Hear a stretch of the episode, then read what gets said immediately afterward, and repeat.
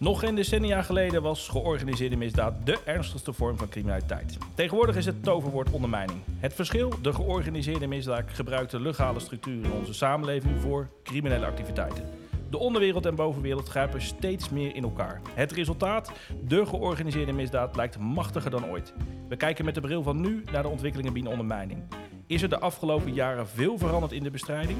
Kunnen we de ontwikkelingen van ondermijning voorspellen? Hoe ziet het veld er over 10 jaar uit? Je luistert naar de podcast Ondermijning niet te stoppen. Mijn naam is Jeroen en samen met criminoloog bestuurskundige Edward van der Toren nemen we een kijkje in de ontwikkelingen van ondermijning. Fijn dat je luistert. Welkom, Edward. Ja, om maar gelijk met de deur in huis te vallen, heeft de aanpak van ondermijning volgens jou nog wel zin? Uh, nou, het is, het is hoogst noodzakelijk.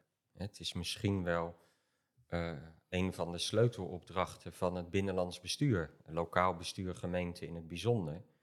Kijk, want 10, 15 jaar geleden hadden we het alleen over georganiseerde criminaliteit. Ja, um, ja en dan gaat het om criminele groepen um, die heel veel geld verdienen in de drugswereld en noem maar op. Maar dat was voor politie en justitie en voor opsporingsdiensten. Ja. Dat vonden we destijds logisch. En gemeenten hadden wel een rol, maar een kleine rol. Tegenwoordig gebruiken we ook het begrip ondermijning voor de schadelijke effecten van georganiseerde misdaad. En dat is wat anders. Maar om even over het begrip ondermijning te hebben, want ik hoor het woord ondermijning heel veel, maar ik vind het altijd lastig om goed uit te leggen. Wat is volgens jou echt ondermijning? Nou, ik vind het makkelijk uit te leggen. Kijk, je hebt georganiseerde criminaliteit. Intuïtief snappen we dat allemaal wel. Ja. En dat zijn er nog heel veel delicten. Uh, drugscriminaliteit is dan wel het fenomeen in Nederland, maar ook milieucriminaliteit, vastgoedfraude, uh, gokken, um, noem maar op. Um, maar vooral drugscriminaliteit en de investeringen met drugsgeld in vastgoed en in bedrijven. Maar, maar daar begint het al. Het is niet zo dat er alleen maar georganiseerde misdaad is op afstand en ver weg. Dat komt heel dichtbij en dat heeft schadelijke effecten. En georganiseerde criminelen die misbruiken sociale problemen, maar ze verergeren ze ook. Nou, om het heel concreet, nou, kan heel concreet. Uh, criminelen, netwerken investeren in vastgoed, in, in kleine woningen. Dan gaan ze kamers aanbieden. Nou, dan mag jij daar eerst een maandje gratis in. Ja, en dan moet je wat terug gaan doen. Bij het couriersbedrijf, bij het taxibedrijf, als jij een aantrekkelijke jonge vrouw zou doen, moet je misschien iets anders terug doen. Om, om het geld te. Ja, we lachen er. Maar nee, dat is, niet dus. Ja, nee, maar ik bedoel dat, dat. Maar ook uh, misschien wel een zorgindicatie aanvragen. Ja. Um, bij de uh, eh, WMO. Uh, eh, of, of het liefst naar de WOZ. Want dan gaat het. Hè, als je dan wonen en zorg koppelt, kan het gaan om zorgindicaties van 40, 60.000 euro. Maar wat dan vervolgens ook nog is, is dat er illegale producten worden verkocht in de stad. Zoveel mogelijk illegaal gokken, drugsgebruik. Uh, nou, een, een, de zoon van een hoogleraar kan wel een pilletje betalen. Hè, maar, maar drugsdealers geven, sturen ook een sms'je naar de loopjongens van joh, de kinderbijslag is binnen, het salaris is binnen. En ze breken dus in op gezinnen, op de gezondheid van de gezinnen, op de financiële huishouding van de gezinnen. Ja, en daar komt niet de landelijke recherche naar binnen. Daar komen mensen van het sociaal domein naar binnen en misschien ook het pand dat verkamerd is door die patjepeer, uh, crimineel huisjesmelker. Uh, maar zeg je, zeg je daarmee dat, dat gemeentes dan veel meer hun rol moeten pakken? Of dat, dat inwoners of ondernemers veel nadrukkelijker in het werkveld Ja, nee, kijk, het, het is dus zo. Kijk, jarenlang werd door, door ja, criminologen eigenlijk, werd georganiseerde misdaad ja, op zichzelf beschouwd als iets van politie, justitie. Maar het is een enorm maatschappelijk fenomeen dat aanwezig is in ons leven. Wat ook iedereen die, die uh, op een bedrijventerrein actief is wel herkent in bepaalde patronen. Het zit in scholen, daar wordt drugs verkocht. Daar krijg je schooluitval van jongeren waar je het niet verwacht. Daar, daar kunnen dit soort problemen achter vandaan gaan. Uh, maar ook de georganiseerde misdaad heb je in zekere zin hard nodig. Ik zal een paar voorbeelden noemen. Stel nou dat jij een, een tijdelijk contract hebt, een mhm. laag inkomen. Nou, probeer maar woonruimte te zoeken in Nederland. Nou, bij de corporatie kom je op de wachtlijst. Ja. Maar bij Patje P. en meneer Van der Toren, waarvan zijn vader in de drugscriminaliteit zat, ja, die heeft wel een paar kamertjes beschikbaar. Dus ik vervul een functie met mijn crimineel verworven vastgoed. En dat betekent ook dat ik misschien nog wel de getapte jongen ben in de wijk. Je kan bij mij terecht. Nou ja, als je een huis zoekt en je kan uiteindelijk een huis vinden bij een crimineel en ook nog voor een leuk tarief, dan, dan kan ik me voorstellen dat de samenleving denkt van hé, hey, Kijk, en dan aan de ene kant vervul ik functies, krijg ik grip op mensen. Hè, want, want ze worden afhankelijk van mij, kunnen ook arbeidsmigranten zijn. Nou, dan, dan, dan voordat je het weet zit je in mensenhandel. Want dan heb ik een afspraak met een uitzendbureau. Ze krijgen te weinig uren betaald. Ze betalen een hoog bedrag voor mijn vastgoed. Ja, en ik ben spekkoper. Ja. Ehm, maar het betekent wel dat de gemeente met het controleren van mijn panden, het controleren van of ik me aan het bestemmingsplan hou, of ik mij hou aan de vergunning die ik heb gekregen, of ik de vergunning wel waard ben die ik aanvraag. Dat is een puur gemeentelijke taak. En op het moment dat, dat bij wijze van spreken in mijn netwerk ook nog drugs wordt verkocht en illegaal gokken wordt aangeboden, ja, brengen wij mensen in sociale problemen. En grijp ik dus in op de cliëntellen van het sociaal domein van de gemeente. En wat ik vind, is dat ehm, een hele categorie criminologen die sociale, maatschappelijke kant van de georganiseerde misdaad heeft gemist. Ja. En dan, oh ironie, dan roepen ze zelf op, nee, we moeten het geen ondermijning meer noemen, maar georganiseerde misdaad. Ik denk dat ze gemist hebben hoe groot de maatschappelijke impact en positie is en hoe groot de rol van de gemeente is om die schadelijke effecten van investeringen in vastgoed, van drugscriminaliteit, van het aanbieden van gokken, uh, van uh, seksuele uitbuiting. Ja, daar ligt een enorme gemeentelijke taak om grenzen te stellen, maar ook om mensen te helpen die moedwillig door criminelen en patjepeers in de problemen gebracht worden. Dus dat is bij uitstek een gemeentelijke taak. Maar hoe ziet dat er dan over een, een tijdje dan uit? Want dit is zeg maar de, het beeld wat jij nu hebt, zeg maar. Maar hoe, wat kun je dus doen als lokale gemeente of als lokale overheid om dit een halt toe te roepen? Of mensen daar bewust van te maken?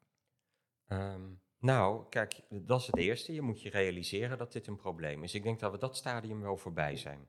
Maar maatschappelijk is het ook, aan de andere kant heeft het ook een voordeel. Dus stel je voor, je kan met, met het voorbeeld, oké, ik, ik zoek een huis en vervolgens uh, dat huis kan ik voor een, een leuk bedrag krijgen. En ik, als ik bij de woningcorporatie op de lijst staat, moet ik anderhalf jaar wachten voordat ik het huis uit kan, hè, bij, als ik bij mijn ouders zal wonen. Dus het heeft ook heel veel voordelen. Dus ik vraag me ook wel eens af, is er wel een soort maatschappelijke urgentie om te zeggen, nou oké, ondermijning moet, ja, ik kan me voorstellen dat je zegt, ja, we vinden het allemaal niet oké, maar aan de andere kant heeft het ook weer een voordeel voor jezelf. Nou ja, het heeft twee kanten. Het is heel bedreigend.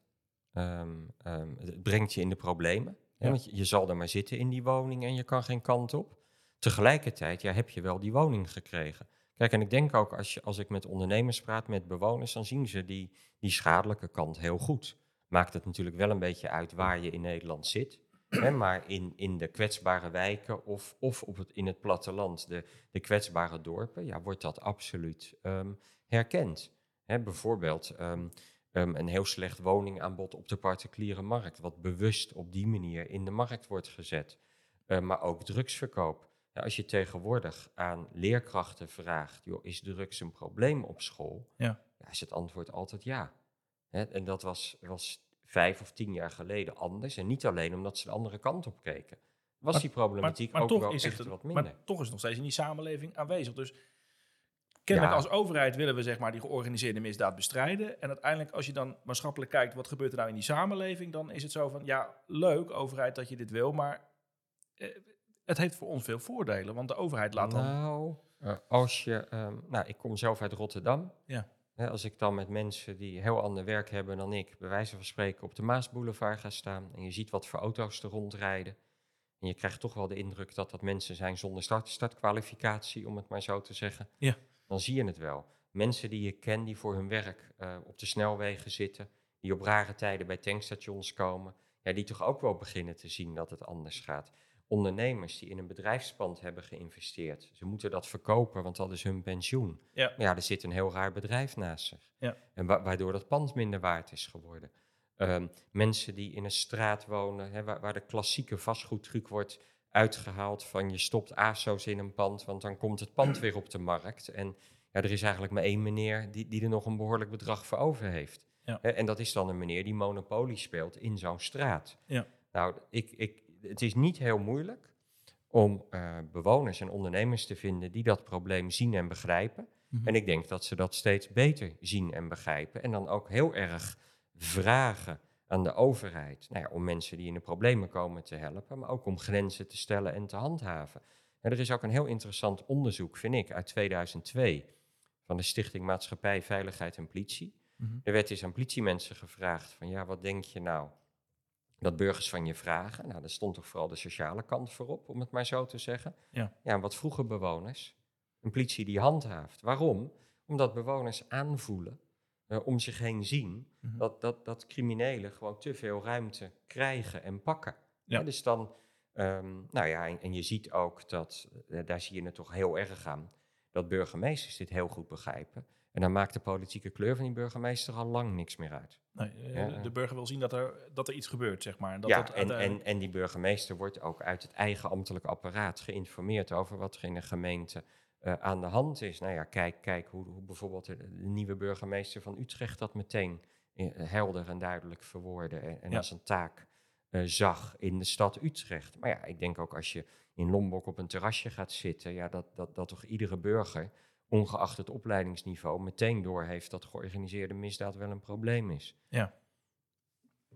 Maar de, de overheid die stopt er enorm veel geld in. Hè? En om, om zeg maar dit ook een, te doen bestrijden. Maar doen we nou ook wel de juiste dingen? Dat is, ik ben wel eens benieuwd hoe jij daarnaar kijkt. Nou ja, A is natuurlijk de vraag of ze er veel geld in stoppen. Want wat je ziet is dat buiten de reguliere geldstromen om er veel extra geld komt. Ja. En dat is toch altijd iets kwetsbaarder. Hè? Dus ik denk dat, we, dat het echt nog wel de vraag is van ja, hoeveel geld is ons politie-justitieapparaat nou waard? Ja. Nou, dan gaan we zo naar de gemeente. Ja. Ehm, ehm, kijk, er was van de week weer een prachtige aanhouding van de landelijke recherche van een stoute meneer uit Nederland, net in België, waar, waar ze twee jaar hebben meegeluisterd. Kijk, wij, wij- onze regisseurs kunnen heel veel in Nederland. Ja. En zie je ook die cryptoberichten. Dus het is eigenlijk wonderlijk wat die landelijke recherche allemaal presteert. Ja. Ehm, je, je kan je wel de vraag stellen of het er voldoende zijn. Maar dat laat ik even voor wat het is. Gemeentebegrotingen Mhm. zijn natuurlijk ook ehm, ja, gebaseerd op inwonertallen. Ja. En, en gemeentes hebben traditioneel twee grote taken. Het sociaal domein en fysiek. Mhm. En nu komt steeds meer veiligheid daarbij. Dus je kan je wel echt de vraag stellen of gemeenten, gewoon in, in, in de, de basisgeldstroom, Ja. voldoende geld en armslag hebben om die, die derde taak, veiligheid, ook te organiseren. Je ziet in ieder geval dat bijna alle gemeenten die taak wel op zich nemen. Dus de nationale overheid zal veel meer geldstromen in het kader van veiligheid moeten toeleiden naar gemeentes. Dat is wat je zegt. Nou, ik, laat ik het zo zeggen. De, elke gemeente in Nederland, en niet alleen in, de Randstad, maar ook in het buitengebied, Ja. moet de ruimte hebben, financieel en ook krijgen, Mhm. eh, om die, die misdaad, die in Nederland wel disproportioneel groot is geworden, hè, dat blijkt uit internationale rapporten, om daar een veiligheidsorganisatie tegenover te stellen. En ik denk wel dat dat de eerste opdracht is, want nu als we doorhebben georganiseerde misdaad en de schadelijke effecten ervan moeten we aanpakken, moet je in de eerste plaats een gemeentelijke veiligheidsorganisatie neer gaan zetten. Dus de ambtenaren openbare orde en Maar veiligheid. eh, geme- gemeenten zijn behoorlijk aan het optuigen. Hè? Je ziet dat de BOA's, die, die, die ploppen op. Hè? Als je dat vergelijkt met tien jaar geleden, dan had je wel BOA's. Maar eh, en nu zie je dat het echt hele grote organisaties worden in zo'n gemeentelijk apparaat. Je krijgt ook eh, handhavers in het kader van ondermijning. Er wordt gebiedsgericht gewerkt. Dus de gemeenten zijn ook behoorlijk aan het optuigen. Dat, dat is waar, maar, maar toch is dat een wisselend beeld. Ja. Kijk, je hebt in, in de grote gemeenten in Nederland is veiligheid een derde pijler van het lokaal bestuur geworden. Mhm. Als je, als je wegloopt bij de grootste 4, 6, 8, voor mij part 15, Mhm. dan wordt het toch al, al echt een ander verhaal. Dat je of ziet dat, dat gemeenten die niet zo omvangrijk zijn er toch heel veel in investeren omdat dat nodig is. Ja. Of dat gemeenten erg gegroeid zijn. Ik, ik noem maar wat Spijkenisse, Zoetermeer. Ja, die moeten dan wel heel erg bijspijkeren. Ehm, en wat ook zo is, het is niet alleen ondermijning. Hè. Die veiligheidstaak gaat op allerlei vlakken, is die veel groter geworden, complexer en omvangrijker. Er zijn allerlei crisis. De een na de ander, dat houdt niet op. Nee. Nou, in, in Rotterdam hebben we nou weer de laatste Feyenoord-Ajax gehad. Nou, Ja. Weet je, er is, er is altijd wat. Dat is gewoon een gegeven. Ehm, nou, de corona is wat dat betreft natuurlijk een enorme eye-opener geweest. Ehm, maar je hebt ook allerlei overlastproblemen. Eh, geestelijke gezondheidszorgtaak die, die de gemeente heeft. Verwarde personen, evenementen, eh, bestuurlijke sluitingen. De rechter toetst daar meer op. Dus de juridische kennis bij de gemeente moet groeien. Ja. Eh, nou, dan moet je natuurlijk... Dus, en, en, en je hebt als, als OV-organisatie, moet je ook voortdurend je burgemeester adviseren over het AZC, over een demonstratie, over de aanstaande zomer, over de jaarwisseling. En ehm, eh, dus daar heb je mensen, die zijn toch vaak ingeschaald. Ja, schaal 9, schaal 10, schaal 11. Maar aan de ene kant moeten ze heel operationeel zijn, alle incidenten oppakken. En je kan ook niet zeggen, laat dat incident maar even liggen, want dan wordt het groter. En dus ik noem maar wat, je krijgt een incident. Ja. Overlast in een pand. Nou, de BOA gaat er naartoe. Blijkt een zorgcliënt te zitten in een enorm verwaarloosde si- situatie. Dat betekent waarschijnlijk zorgfraude, ontoereikende zorg. Ja. Ehm, vergunning technisch is het niet goed. Het is in strijd met het bestemmingsplan. En het pand is ook nog van een padjepeer die heel veel, eh, nou ik, ik, ik blaas het een beetje op, maar die heel veel vastgoedbezit heeft. Dan loop je zomaar een overlastmelding aan, Ja. maar dan komt daar van alles achter vandaan. En je kan niet zeggen, nou we kijken de andere kant op. Want wat blijkt, het is niet alleen deze zorgcliënt die ontoereikende zorg krijgt en zich niet redt en meteen hulp nodig heeft. Nee. En dat moet iemand oppakken, want anders zit die jongen Maar, maar, Nou, eh, ik- Nee, maar wat ik, wat ik Ja. bedoel te zeggen, je kan bij ruimtelijke ordening, kan je zeggen, dat stuk grond, dat ontwikkelen we wel over drie jaar. Ja. Bij veiligheid kan je niet zeggen, we parkeren het even. Dus de waan van de dag, waar de politie altijd mee te maken had, Mhm. die komt heel erg in die gemeentelijke veiligheidsorganisatie. En dan wil je wel beleid maken voor ondermijning, beleid maken voor huisvesting. eh, Maar dat is Ja. volgens mij net het probleem ook in mijn optiek, is dat alles zeg maar losse elementjes zijn. En uiteindelijk als er dan een integrale casus komt, waarbij dan als je dan ter plaatse bent en je ziet wat je dan in zo'n woning aantreft, dat het dan allemaal weer in lijntjes wordt uitgezet. Hè? Dus eh, eh, de jurist gaat kijken, de afdeling handhaving gaat kijken, eh, het sociaal team van de gemeente gaat kijken, maar waar is dan die integraliteit? Dat is dan... Nou ja, maar dat is dus een van die dingen die vanuit die OOV-organisatie georganiseerd moet worden. Dat betekent ook dat die Dus die OOV-organisatie krijgt steeds meer, die wordt een, krijgt een andere rol. Ja, en die moet ook een, een. Kijk, die zal qua formatie en begroting nooit zo groot worden als het sociaal domein of fysiek. Maar die moeten wel een flinke status hebben om richting het sociaal domein, richting de bouw- en woninginspecteurs, want die moeten ook iets in dat pand. Ja. Ja. om lijnen uit te kunnen trekken zonder dat voortdurend gediscussieerd wordt of het wel moet gebeuren. En, Dus- en waarom niet bijvoorbeeld, ja, ik probeer even out of the box te denken, Ja. maar wa- waarom niet meer veiligheid in het sociaal domein? Want daar zitten überhaupt, eh, het is de afgelopen jaren behoorlijk stevig neergezet bij gemeentes. Er zijn hele grote organisaties geworden uiteindelijk. Maar, Nou ja, kijk, ehm, wat je, kijk, voor een deel moet op het sociaal domein de handhaving zoveel mogelijk zelf gedaan worden. Je moet dingen niet onnodig integraal maken. Dus wat we eigenlijk wel ontdekken, Mhm. hè, ook wel met de bril van ondermijning, maar sowieso, is dat sociaal regisseurs op het eh, in het sociaal domein toch een enorme rol vervullen. Dat kan zitten op de participatiewet en de uitkering. Ja. Ehm, maar dat kan ook zitten op zorgfraude. Nou, dan moet je je rechtmatigheidstoezicht op de zorg organiseren. Maar het is wel fijn als dat in handen ligt van iemand die tevens sociaal regisseur is. Dan kan je ook een strafrechtelijk onderzoek doen. En dan heb jij gelijk, op het moment dat je je rechtmatigheidstoezicht op het sociaal domein goed organiseert en daar sociaal regisseurs zitten, Ja. dan hoef je vanuit die OV-organisatie dat dossier niet helemaal naar je toe te trekken. Nee. Maar op het moment dat blijkt dat ehm, een crimineel netwerk heeft geïnvesteerd in zorgaanbieders, of dat een zorgaanbieder samenwerkt met een crimineel met vastgoed omdat zorg en wonen wordt gekoppeld, Ja, maar dat is dan... vind dat, dat- dat- wel goed dat je dat zegt. Maar uit, in een praktijk eh, pakt zeg maar zo'n sociaal regisseur pakt een casus op en uiteindelijk blijkt dat achteraf, want dat is natuurlijk naar aanleiding van recherchewerk of naar aanleiding van signalen dat dat er een hele wereld achter zit. Maar uiteindelijk bij de eerste kennismaking in zo'n ca- casus dan zien ze dat vaak niet. Maar, dus dan moet die OOV-organisatie veel meer zichtbaarder worden. Hoe ziet die OOV-organisatie over tien jaar dan uit? Of, wat Nou, zou een goede OOV-organisatie Nou ja, zijn? ik, kijk, en ik, de reden, ik denk dat het goed is dat we het hier even over hebben. Want wat ik vind, is dat we te snel de aanpak criminologiseren. Hoe zit het met de jonge aanwas? Wat speelt er op het bedrijventerrein? Je moet eerst je organisatie neerzetten. Dus dat is de fout van de, van de... Nou ja, fout is misschien een verkeerd woord, Nee, maar, maar- de aanpakstrategie moet anders worden. Nou, ehm, ik denk wel, hè, kijk, bestuurskundigen maken zo'n saai onderscheid tussen uitvoering en invoering. Invoering is je organisatie neerzetten, uitvoering is aan de slag. Wat ik denk te zien in bijna alle gemeenten waar ik kom, is dat die openbare orde-organisatie op het tandvlees loopt. Ja. Dat die heel hard werkt en dat daardoor ook het idee bestaat dat het nog gaat, maar dat ze er eigenlijk hun beleidstaken moeilijk aan toekomen. En ook het positioneren van die organisatie Ja, is maar weinig eh, tijd voor dat- hebben. maar Omdat ze, Dat zie je niet alleen bij gemeenteland, maar dat zie je natuurlijk ook bij de politie. Want de politie heeft eigenlijk hetzelfde probleem. Hè? ja, Dus maar voor de politie is dat bij wijze van spreken haar wettelijke taak. Hè? De politie loopt altijd over. De politie heeft altijd een waan van ja, de dag. de, De gemeente heeft ook een wettelijke taak. Hè? Burgemeestersbevoegdheden. Je hebt natuurlijk ook, de- het gaat natuurlijk ook over openbare orde en veiligheid. Ja, ik, ik, maar in die tak openbare orde moet je ook een aantal mensen hebben die de rust hebben om beleid te ontwikkelen. Ja. Want kijk, een, als er een melding komt bij de politie, heeft de politie af en toe een tijdshorizon van een uur. Ja. Eh, Dat past ook bij dat apparaat. Op korte termijn resultaten boeken. Bij de gemeente moet je de korte en de lange termijn combineren. Dus niet alleen de casus van de ontoereikende zorg en de verwaarloosde jongen. Dan Nee. zeg ik er altijd maar bij, het zal je zoon maar zijn. Hè? Dus daar Ja. ligt dan een enorme sociale verplichting ook bij de gemeente om die casus op te pakken, maar ook om gelijk te kijken van zijn er soortgelijke gevallen, want, Ja. want er zit, we zien een patroon.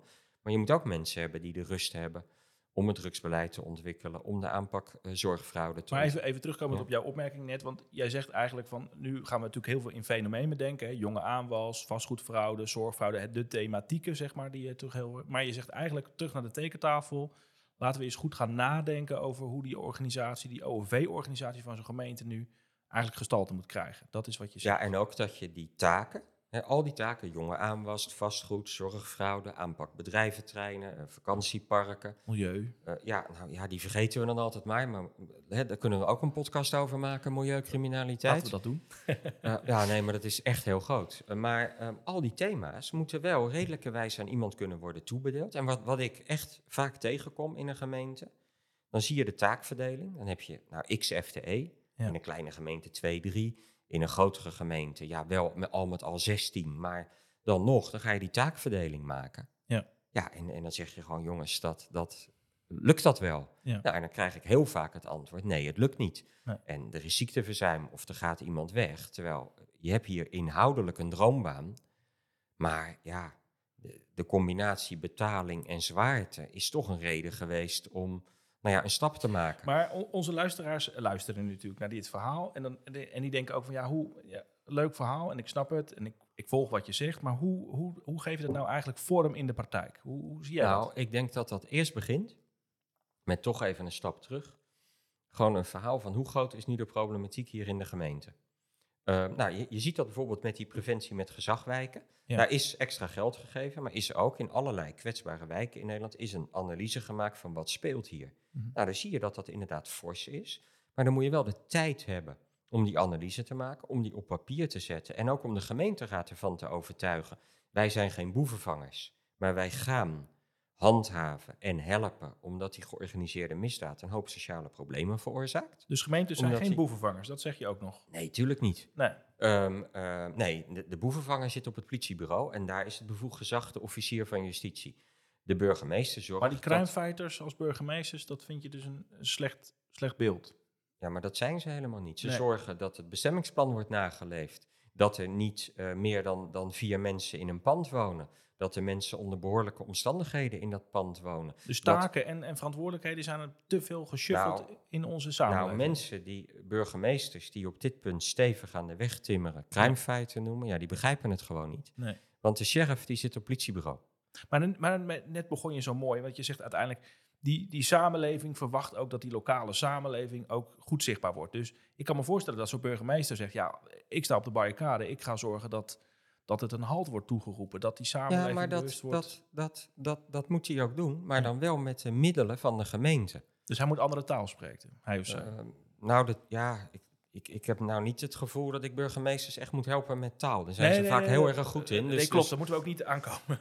nou ja, hè, maar kijk bijvoorbeeld hoe de burgemeester van Utrecht het in, in 30 seconden kan ver- verwoorden. Hè? Dat, Ja. ja. ik bedoel, dat is een ander vak. Daar kan ik niet tegenop. In deze podcast heb ik een half uur nodig en dan hoop ik dat ik duidelijk ben. Maar ehm, we doen ons best. eh, Ja, kijk, dat is een, een taak op zich. Maar, kijk, ehm, laat ik het zo zeggen. Als jij niet handhaaft op een bedrijventerrein en alles kan daar maar. En, en de bedrijfsvoorraad wordt op de stoep geparkeerd. En de vrachtwagens worden op de stoep geparkeerd. En de, de, de, de tweedehands auto's die te koop zijn, worden daar geparkeerd. En alles en iedereen kan daar maar een bedrijfje beginnen. Ja. ja, dan heeft dat ook er gewoon mee te maken dat je die stad laat verslonzen. En dan zitten daar misschien wat Maar daar is bedrijven... niet alleen die burgemeester verantwoordelijk voor. Daar is natuurlijk ook een hele raad verantwoordelijk voor. Daar is natuurlijk ook een hele samenleving verantwoordelijk Nou ja, voor. maar daar Maar komen waarom is die, waar is die urgentie dan van Nou die ik, denk, samenleving? nou, ik denk dat die urgentie de- de- er echt hard begint te komen. Ik denk dat die urgentie er is maatschappelijk. Ja. Want het maakt een groot verschil of je vandaag de dag met leerkrachten op een middelbare school spreekt of tien jaar geleden. Ehm, als je praat met woningcorporaties, wordt er niet omheen gedraaid. Die zien de problematiek, ook de sociale problematiek, hè, maar, maar, maar ook de, de hennepplantages, die dan toch worden aangetroffen omdat iemand, nou ik noem maar wat, een schuld heeft. En dan zeggen ze in de voetbalkantine van nou, dat, dat lossen we op die manier wel op. Maar als we zo'n dossier, hè, heel simpel, even pakken. Mhm. Een hennepkwekerij met 200 plantjes. Jij en ik weten dat dat 25.000 euro waard is in de tussenhandel. Ja. Nou, dat wordt geruimd. Waarschijnlijk wordt het huurcontract beëindigd door de corporatie. Ja, gezin wordt eruit gegooid. Maar de crimineel zegt ook nog, jij bent mij 25.000 euro schuldig. Ja. Dan ligt daar natuurlijk A, een taak voor politie en justitie om de organisatoren van die hennepteelt aan te pakken. Want die brengen moedwillig deze mensen in de problemen en zetten ze onder druk met deze criminele schuld. Tegelijkertijd ligt er een sociale taak. Maar die sociale taak kan jij niet goed uitvoeren op het moment dat iemand nog een schuld heeft openstaan van 25.000 euro bij meneer Van der Torre. Ja. Meneer Van der Torre zegt, oh, je bent uit je woning gezet. Nou, ik heb een kamertje voor je. En dan- maar je komt toch steeds dieper in de shit. Nou ja, Dan? dat is natuurlijk wel een risico. En ik denk dat precies dit hebben we denk ik met z'n allen wel door. Kijk ook naar al die ehm, eh, toestanden. Of ja, ik moet het netjes zeggen. ehm, dit klinkt zo, maar ik vind het heel goed. Maar die verhalen die worden verteld op scholen. Van kijk uit. Ja. Er worden filmpjes gemaakt. We beginnen het allemaal wel te begrijpen. Dat als je één keer ja zegt, hè, dat, dat begint heel erg te komen. Alleen wat ik vind, je moet niet iemand alleen maar naar een school sturen en zeggen van ja, als je ja zegt heb je een probleem. Nee. Je moet ook een gemeentelijke uitvoeringsorganisatie hebben die die taken op kan pakken. Want er komt er een ventje naartoe die zegt ja, ik heb ja gezegd. Ja. Ja, wat dan? Dan moet je wel iemand hebben die, die hem opraapt. Ja. Nou, dat kan beginnen bij een jeugdconsulent van het sociaal domein. Die zegt, goh, je- jouw rapportcijfers zijn gedaald. Maar dan zegt hij, ja, nou ja, ja ik, eh, nee, ik, ik, ik werk nu s'nachts bij, uh, bij Huppel de Pub. Nou, dan moet je natuurlijk wel iemand hebben in je gemeentelijk apparaat... die meteen naast zo'n ventje gaat staan. Ja, wel bewustwording is natuurlijk dat. Bewustwording is er nu wel inmiddels. Van, Ja, je zegt nee, maar ja, er zijn natuurlijk inmiddels wel al talloze slachtoffers als het gaat over dit onderwerp. Nou ja, maar nu moet je dus inderdaad je uitvoeringsorganisatie gaan organiseren. Ook in die sociale ellende. Want nou, dan komt er een, een gezin aan, heeft Ja. problemen. Nou, eh, ik noem maar wat. Ehm, en deze casus verzin ik niet. Nee. Er is een jochie, die kan geen VOG krijgen, maar hij is van goede wil. Doet het op school goed, kan van de MAVO naar de HAVO. Ja, VOG, even voor de Ja, luisteraars. dat is een. eh, hij, hij heeft ladingdiefstal gepleegd. Ja, Is oké. hij gewoon een beetje bijgelapt, maar hij woonde Ja. in zo'n wijk waar dat helaas wel een optie was. Mhm.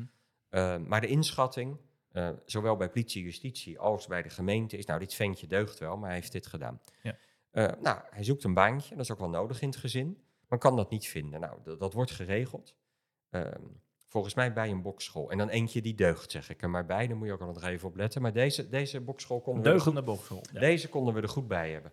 Wat gebeurt er? Zijn oudere zus keert terug in het gezin, want die heeft een relatie beëindigd met een zware crimineel. Ja. Die neemt haar kinderen mee en die crimineel vindt dat niet zo'n goed idee. En die, die, die, een paar gewapende loopjongens van hem staan daar voor de deur van het gezin. Ja. En deze jongen, waar het net goed mee gaat, want die gaat uh, na de puntje-puntje vakantie naar de HAVO, die is een alarmpistool aan het uitboren om zijn moeder te beschermen. Oké. Dan kan je niet zeggen, nou, we hebben een wachtlijst van zes weken. Nee. Dan moet je in het gezin stappen. Nou, dit is mij verteld door iemand, hè, die wordt interventiespecialist genoemd, die heeft dat gezin er doorheen getrokken. Ja. Dit is dus een functie Mhm. die je in je gemeentelijke apparaat moet organiseren. Nou, nu is het deze casus, maar hij kan anders zijn.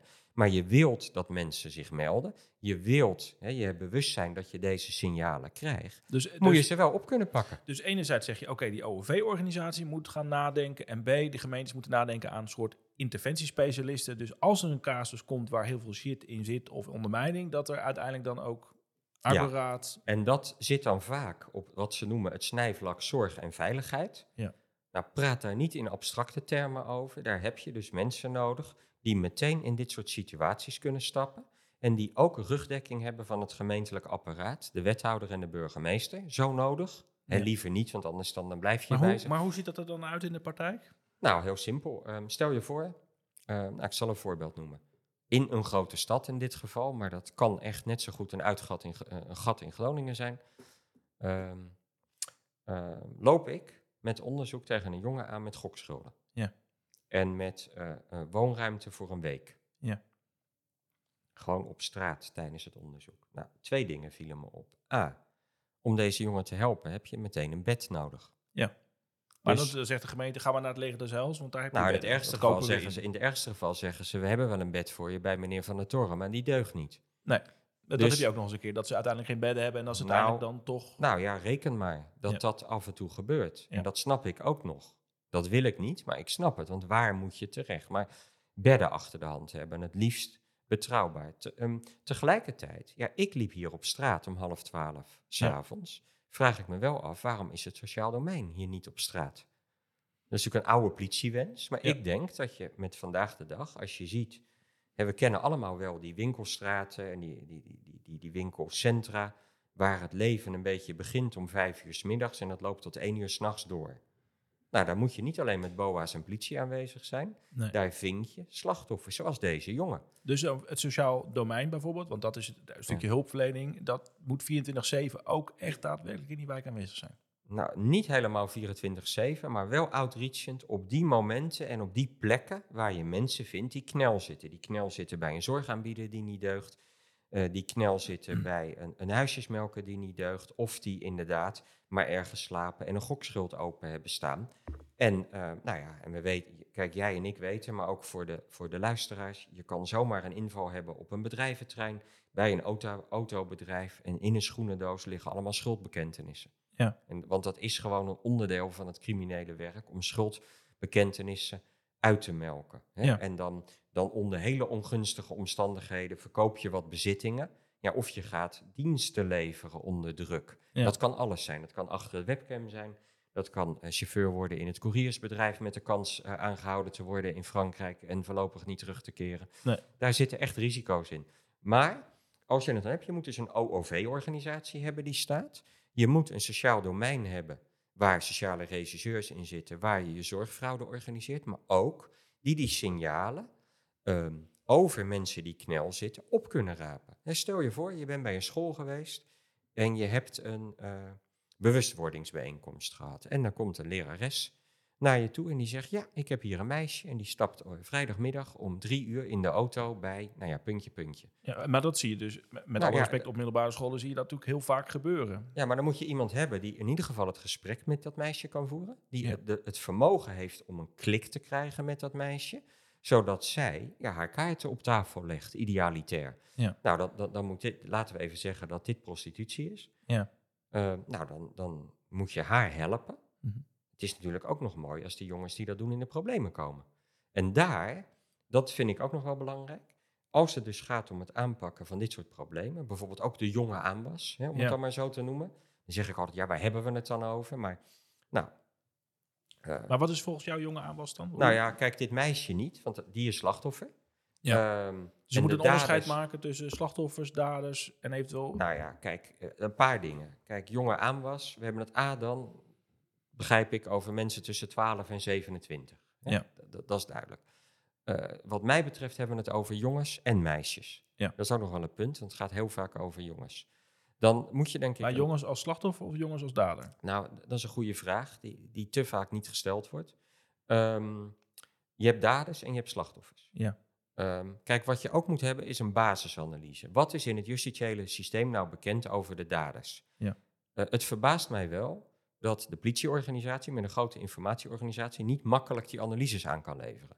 Ik denk dat er in Nederland een systematiek moet komen Hm. Dat je eh, standaard een overzicht hebt van ehm, ehm, ehm, eh, kopstukken en veroordeelde mensen, zodat dat een beginpunt is. Wat we steeds vaker zien, hè, als dat gebeurt, als de politie het doet of een, een externe partij, Ja. dat er een groot gat is tussen wie in het justitiële systeem staat Mhm. en de, de, de, de, nou laten we even zeggen, de drugshandelaren die bekend zijn bij, bij BOA's en eh, dus, dus straatinformatie. Nou, dat, dat is een beginpunt.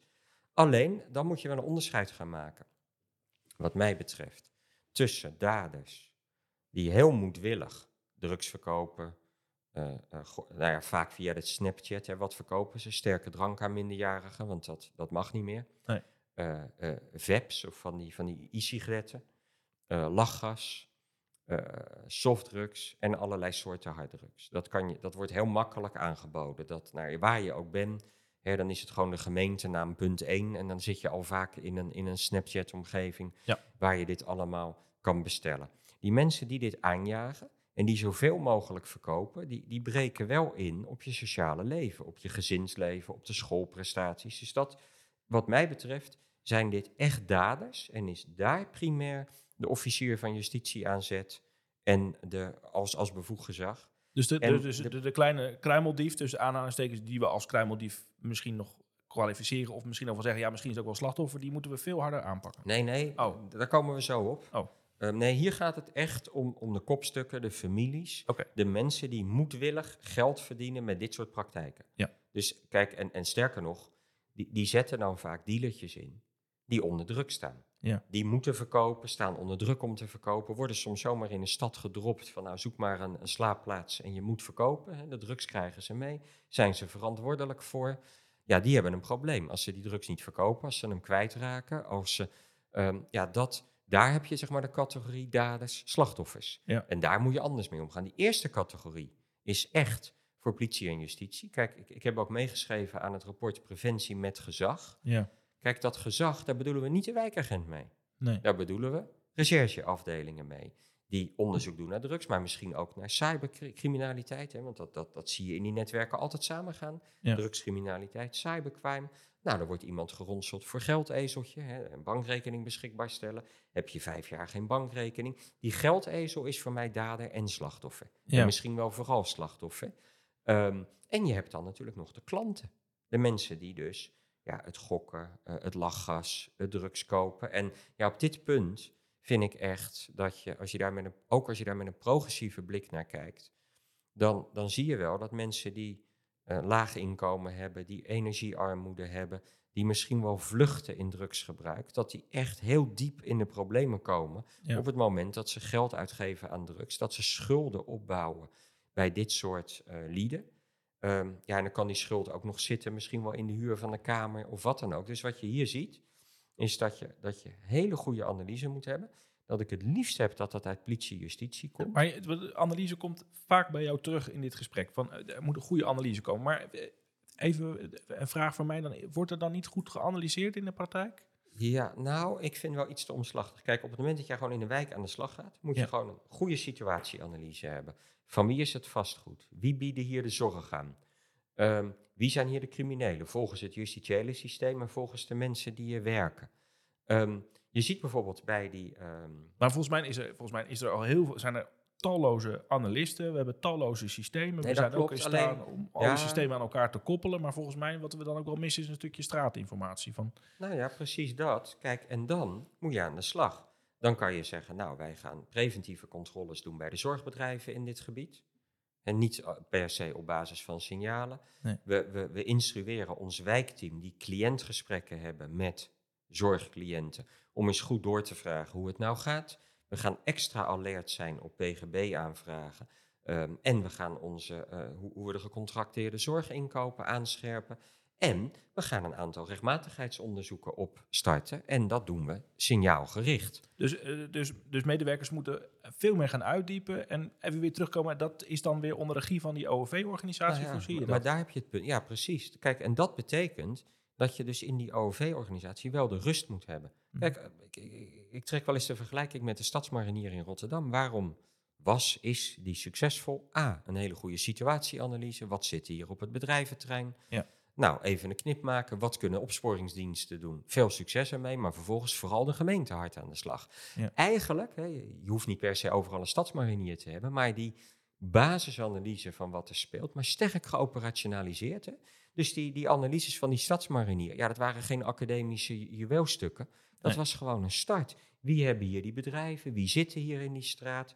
Nou, en dan gaan ze een pact sluiten met, met, met de ondernemers die deugen of met de bewoners. En ze leggen een opdracht neer bij politie, justitie Dus en dat, de gemeente. dus dat zal veel meer gedaan worden. Dus die OOV-organisatie zal veel meer de partners waar ze mee samenwerken, de interne partners, eh, veel meer moeten inzetten in die wijken. Van oké, kom eens met informatie. Wat, wat speelt er nu? En eigenlijk die OOV-organisatie moet veel meer gaan nadenken. Oké, wat is nu nodig in die, in die wijken? Ja, Dus- en, en wat dan ook wel belangrijk is, is dat als je dan dus informatie uit die wijken haalt, je vraagt dat aan bewoners, maar ook aan de professionals die daar rondlopen, dan is dat geen klikken. Dan wil ik weten welke jongens, meisjes en gezinnen zitten in de problemen hier. Eh, vanwege de woonsituatie, vanwege drugsgebruik, vanwege schulden. Dus het is in de kern een sociale taak. Ja. Ehm, komt daar een verhaal van ja, eh, dit vastgoed is eh, gefinancierd met drugsgeld, dan gaat het linea maar dat, naar maar dat gaat toch een partij werk genereren. Eh, Als ik dan denk, als, we hebben het over de gemeente Qatar. Dan, je gaat in zo'n wijk ga je eh, grasduinen. Je komt de ene na de ander. Signaal Ja. of casus tegen. Dus Ja, nee, dat, dat klopt. Dat is geen geringe taak. Vandaar dat het ook qua status en maatschappelijke betekenis moet dat veiligheid een volwaardige pijler worden. En ik denk dat bijna alle gemeenten in Nederland in het stadium zitten dat ze dat, die organisatie neer moeten zitten, Hm. zetten. Hè, en je ziet nu wel eens de vlucht, oh, we pakken de jonge aanwas aan. Maar ja, als je organisatie niet staat, Nee. dan kom je in die uitvoering in de problemen. Dan moet je terug naar het invoeren en organiseren. Dus is de basis op orde? Ja, ik denk echt dat, dat nou ja, misschien op tien gemeenten in Nederland na, verkeerd, denk ik, elke gemeente in die situatie. Categorie gemeenten hebben natuurlijk eh, het voordeel dat ze flink wat geld hebben gehad. Bijvoorbeeld eh, preventie met gezagwijk. Ja. Nou, die, die hebben dan wat meer vlees op de botten op dat punt, maar dan nog. Nou ja, we hebben nog niet over de BOA's gehad. Dat is ook zoiets. Kijk, de politie heeft het knetterdruk in Nederland. Ja. Nou, dat, daar hoeven we niet over. Hè, eh, schietpartijen, eh, beveiligingen, ehm, ehm, eh, opsporingssuccessen. Altijd het tweesnijdend zwaard. Hè, want je, je kraakt een berichtenverkeer en, en heb Ja. je weer een werkvoorraad. Dus ik denk dat, dat we die politie, moeten we het niet moeilijker maken dan het is. Maar betekent wel dat behoorlijk wat meldingen, kleine meldingen, kleine taken. Er is gewoon een structurele trend dat dat richting de gemeente gaat, richting die BOA's. Maar toch pakt de politie het nog steeds op. Want eh, met alle, eh, eh, ik zit ook in het beroepenveld. En dan hoor je dat, dat wijkagenten die eigenlijk heel graag de wijk in willen, uiteindelijk nou, structureel bijna op de noodhulp zitten. Dat je denkt van ja. Dus Nou, kijk, de noodhulp is niet goed, maar wat ik me wel voor kan stellen, is dat de wijkagent eens even kijkt. Wie heeft hier nou precies vastgoed en wie zijn die zorgaanbieders? Achter het bureau. Ja. En dat de BOA's op straat lopen om te kijken in welke pandjes zitten ze, wat zijn de woonomstandigheden. Dus ik kijk, en dan kan de wijkagent prima de straat op. Ja. Maar een wijkagent kan ook heel goed uitzoeken wat er speelt en heeft daar kwaliteiten voor. Dus ik, ik, ik vind niet dat de wijkagent per se in zijn wijk moet zijn, maar wel heel veel voor zijn wijk bezig moet zijn. Waarbij je een taakverdeling ziet dat steeds wat meer meldingen en misschien ook een terugbelverzoekje of zo. Dat je zegt, nou ja, dat, dat, dat kan heel goed. dus er een andere richting- mindset ontstaan. Ja, ik, maar ik denk dat dat in heel veel gemeenten eigenlijk gewoon al ontstaan is. Hè? Dat ik eigenlijk vertel hoe het gaat en niet hoe het moet worden. Dus op dat Nee. punt denk ik dat, dat dat... Kijk, één ding is waar enorm verbeterd in Nederland. Eh, Twintig jaar geleden zat die wijkagent er, of de politie er redelijk alleen voor. Nu Ja. heeft de politie, maar ook de wijkagent, heeft heel veel veiligheidsprofessionals om zich heen. Ja. En dat is waanzinnig verbeterd. De kwaliteit van de BOA's eh, bij de gemeente, maar ook bij de, de Nederlandse spoorwegen, is zo verschrikkelijk verbeterd. Ehm, dat is bijna onvoorstelbaar Ja. hoeveel beter dat is. Nou, dat zit in het netwerk van die wijkagent. Kan ook betekenen dat die wijkagent dus inderdaad iets uitzoekt, probeert een, onder, een, een strafrechtelijk onderzoek op te starten, misschien een rechtmatigheidsonderzoek naar een zorgaanbieder aanjaagt, of zegt van, nou ja, dit pand, eh, er staan vier etages, volgens mij mogen er drie staan, nou ja, dan mag de gemeente aan de slag. Dus die wijkagent heeft wel veel meer armslag om zich heen. Maar wat je ziet, Maar Is maken dat- ze ook altijd, eh, wat is jouw beeld? Maken ze ook altijd goed gebruik van die armslag of niet? Ik, ik denk dat de kwaliteit van de gemiddelde Nederlandse wijkagent ook enorm verbeterd is. Ja. Ehm, dus ehm, nee, dat is. Kijk, ik, er zijn ook gewoon dingen die enorm verbeterd zijn. Ja. Het, het bewustzijn, de, de veiligheidsapparaat is gegroeid. Ja. Ik, ik denk onvoldoende. Ehm, de BOA's zijn gegroeid. Die wijkagent heeft een netwerk om zich heen. Corporaties zien het, scholen zien het of worden wakker. Eh, Ja, sorry dat ik het zo zeg, maar, maar dat is het toch een beetje. Ja. Dus, dus op dat punt ehm, zie je enorme vooruitgang. Maar wat ik ook nog wel aantref, dan, dan ben ik in een gemeente. En dan zeggen raadsleden, ja, we hebben tien BOA's. Ja. Dan denken ze dat dat heel wat is. Maar dan hebben we toch wel een probleem. A, BOA's gaan vaak in koppels op straat. Want het is geuniformeerd werk voor de veiligheid. Dus bij tien heb je vier koppels. Ja, nou ja, precies. En, Vijf, eh, ja, sorry. vijf. Maar je hebt meestal nog een coördinator erbij. Of, maar, ehm, eh, maar je hebt nog wat.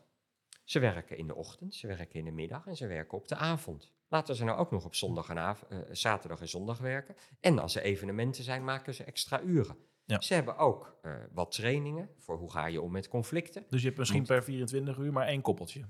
Nou ja, precies. Dus die BOA-organisatie wordt vaak gezien als beleidsambtenaren die van 9 tot 5 werken. En dan is 10 heel veel. Ja. Nou, ik hoef jou niet te vertellen, jij komt ook bij de politie vandaan. Bij een geuniformeerd beroep altijd iets meer ziekteverzuim dan, dan, dan bij een gewone baan. Ja. Al is het maar, als ik de griep heb, kan ik mijn computer aanzetten. Als ik BOA ben, moet ik muziek melden. Ja. Hè, dus, dus dan is ook echt de vraag, ze pakken de meldingen op, dat worden er meer.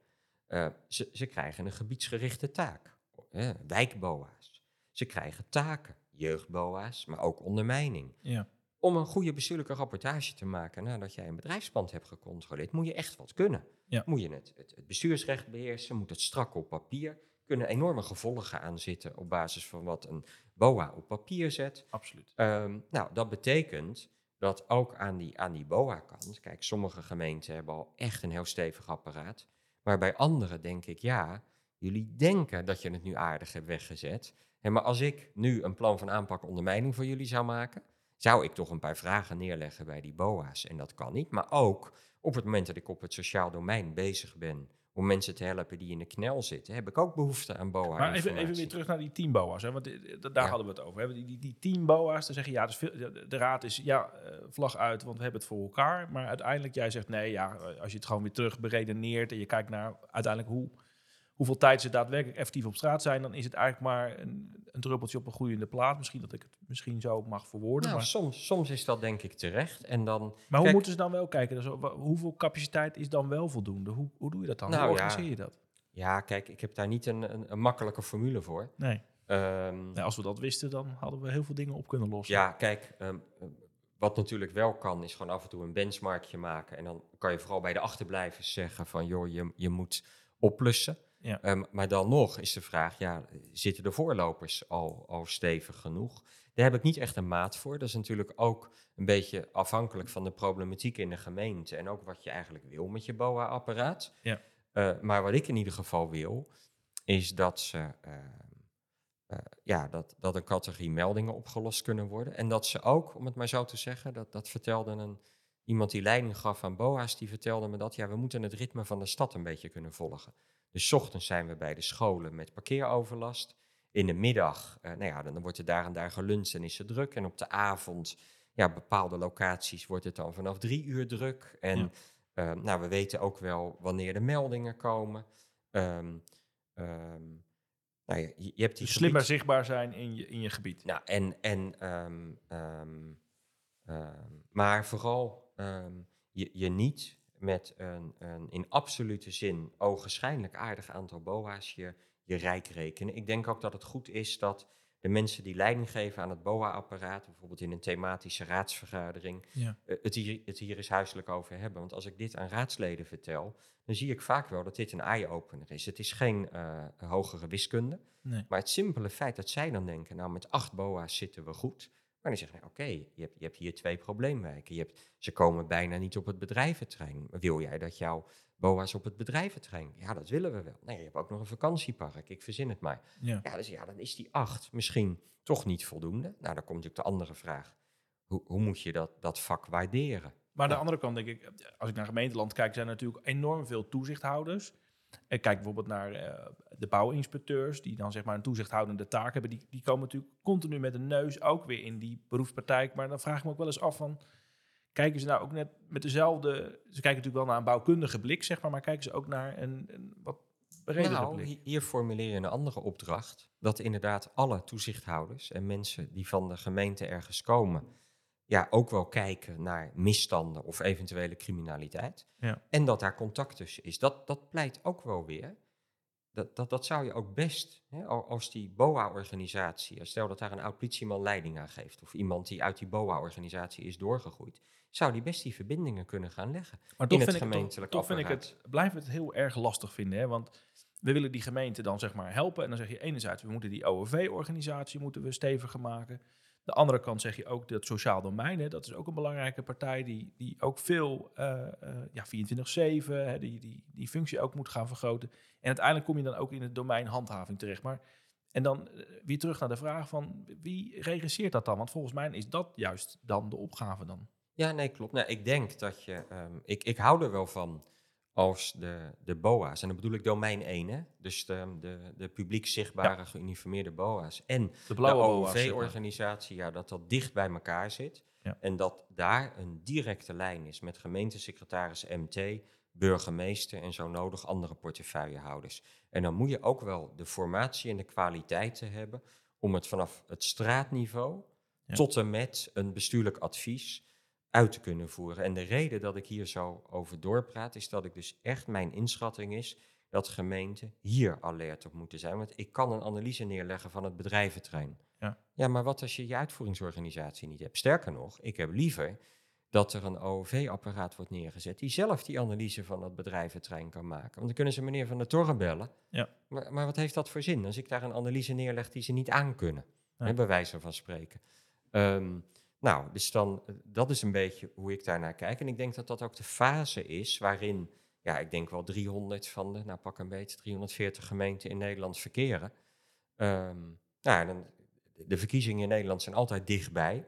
En dan is toch het interessante punt, als je, als je richting weer de nieuwe formatie gaat, ja, hoeveel ruimte moet je hebben? En dan komt een ander punt, en dat merk ik steeds meer.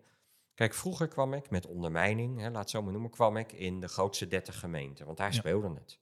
Daar hadden ze een probleem, daar hadden ze ook geld voor een opdrachtonderzoek en zo, als ik om het maar zo te zeggen. Maar ik kom nu ook op het platteland. Nou, en daar zie je eigenlijk iets heel interessants. Vroeger was er altijd het idee van als wij politiesterkte verdelen en gemeentebudgetten, dat kan wel erg gebaseerd worden op het inwonertal, want dat, dat voorspelt de zwaarte van de taak. Ja. Nou, dat is maar de vraag. Want op het moment dat je bijvoorbeeld op het platteland van Groningen bent, maar zoek en vervang niet door Limburg of, of, of Zeeland. Ja. Um, ja, waarom voorspelt het inwonertel de criminaliteit? Je hebt een enorme grens. Maar het is zelfs wet en regelgeving geworden. Hè? De, de, de huisartsennorm zeg maar, wordt ook zeg maar, in het veiligheidsdomein ook toegepast. Hè? 1 op 5000. Uh, dat... Ja, maar het aantal griepjes kan je denk ik wel voorspellen op het aantal inwoners. Maar de georganiseerde misdaad bepaalt niet. Dus daar moeten we mee stoppen? Nou ja, nou, laat ik nu niet de terminologie gebruiken die door mijn hoofd schiet. Oh. Um, ik vind het niet zo slim, laat ik het zo maar zeggen. Nee. Ik snap wel hoe dat ooit gegroeid is. Kijk, want vroeger had je in de Randstad veel georganiseerde misdaad, veel drugsproblematiek. En toen was er, in de tijd van de gemeentepolitiekorpsen, was er inderdaad wel een, een relatie te leggen tussen inwonertal en, en de politiesterkte die je nodig hebt. Ja, ik denk nu, als je naar de, de, de, de politietaak kijkt op, op georganiseerde criminaliteit, ja, ja dat, dan snap ik dat er een, een hele stevige opdracht ligt in de Randstad.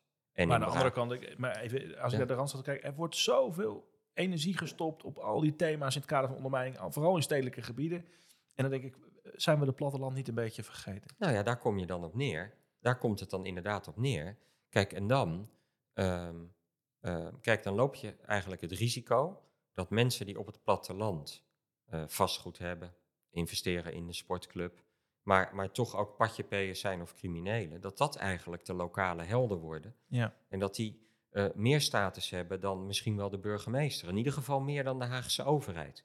Nou, en op allerlei dossiers zien we natuurlijk dat we vanuit de Randstad het platteland een beetje aan het kwijtraken zijn. Nou, dan heb je denk ik twee dingen minimaal nodig om dat te keren. A, een sterk gemeentelijk apparaat. En B, een politieapparaat dat aanwezig is. Niet omdat ik denk dat daar zoveel criminelen wonen per se, maar gewoon om te zorgen dat dingen fatsoenlijk gaan.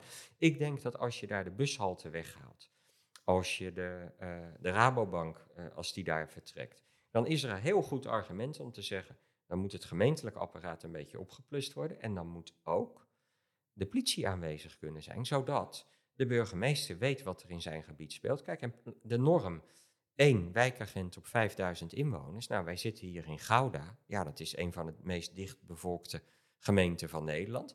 Daar heeft die ene wijkagent een klein oppervlakte. Maar als jij zit op al die lintdorpen. Ja, dan ben, In je soms, eh, dan ben je soms, eh, zit je anderhalf uur in de auto voordat je je hele gebied Ja, hebt precies. bereden. Kijk, en, en wat, wat ik nu steeds vaker merk, is dat eh, in die basisteams die politiemensen eigenlijk uitzonderlijk presteren. Maar, maar zeker in dit gebied kan je wel echt de vraag stellen, ja, wat is nou de formatie die past? En om aan de ene kant het, het, het gezicht van de overheid te zijn en, en de basisvoorziening voor de burgemeester. En aan de andere kant, als dat nodig is, ja, eh, nog, nog eens een paar drugsproducenten eh, aan te pakken die aankomen waaien. Of de lokale criminaliteit aan te pakken. En ja, ik, ik, ik vind eigenlijk wonderlijk. Ik, ik heb in 2017 echt een kritisch rapport geschreven over de basisteams van de politie. Dat ik zei, ja, daar zitten alleen maar generalisten en geen regisseurs. Dat vind ik niet verstandig. Dat vind Nee. ik nog steeds niet. Maar als ik zie hoe die politiemensen al met al toch nog lokale opsporing opstarten, omdat ze de noodzaak ervan zien, zeg ik nou, voor de inrichting geef ik nog niet een heel hoog cijfer. Maar als Nee. ik zie hoe het uiteindelijk nu gestalte krijgt en hoe die politiemensen toch die onderzoeken opzetten, vind ik het heel knap. Maar uiteindelijk is wel de boodschap: overheid eh, in de randstad, heroverweeg hoe je je financiering en je, en je personele inzet bepaalt van gemeente en politie in het platteland. Want we dreigen het platteland kwijt te raken. En ik zeg niet aan criminelen, want dan, dat klinkt te apocalyptisch. Maar laat ik het zo zeggen: ik durf geen henneplantage te beginnen hier in de omgeving. En wij zitten in het centrum van Gouda. Dat lijkt me riskant. Nee, de Maar- kans maar dat je gepakt maar- wordt is groot. Maar een hennepplantagetje met duizend plantjes ergens op het platteland. Ja. Nou heb ik niet de, de, de inslag om dat te doen. En ik, ik wil je nog wat anders vertellen. Ik heb een onderzoek gedaan op het platteland van Groningen. En toen heb ik op een gegeven moment zowel een sociale huurwoning als een particuliere huurwoning gezien met schimmel op de muur. Ja. En met een hoge energierekening.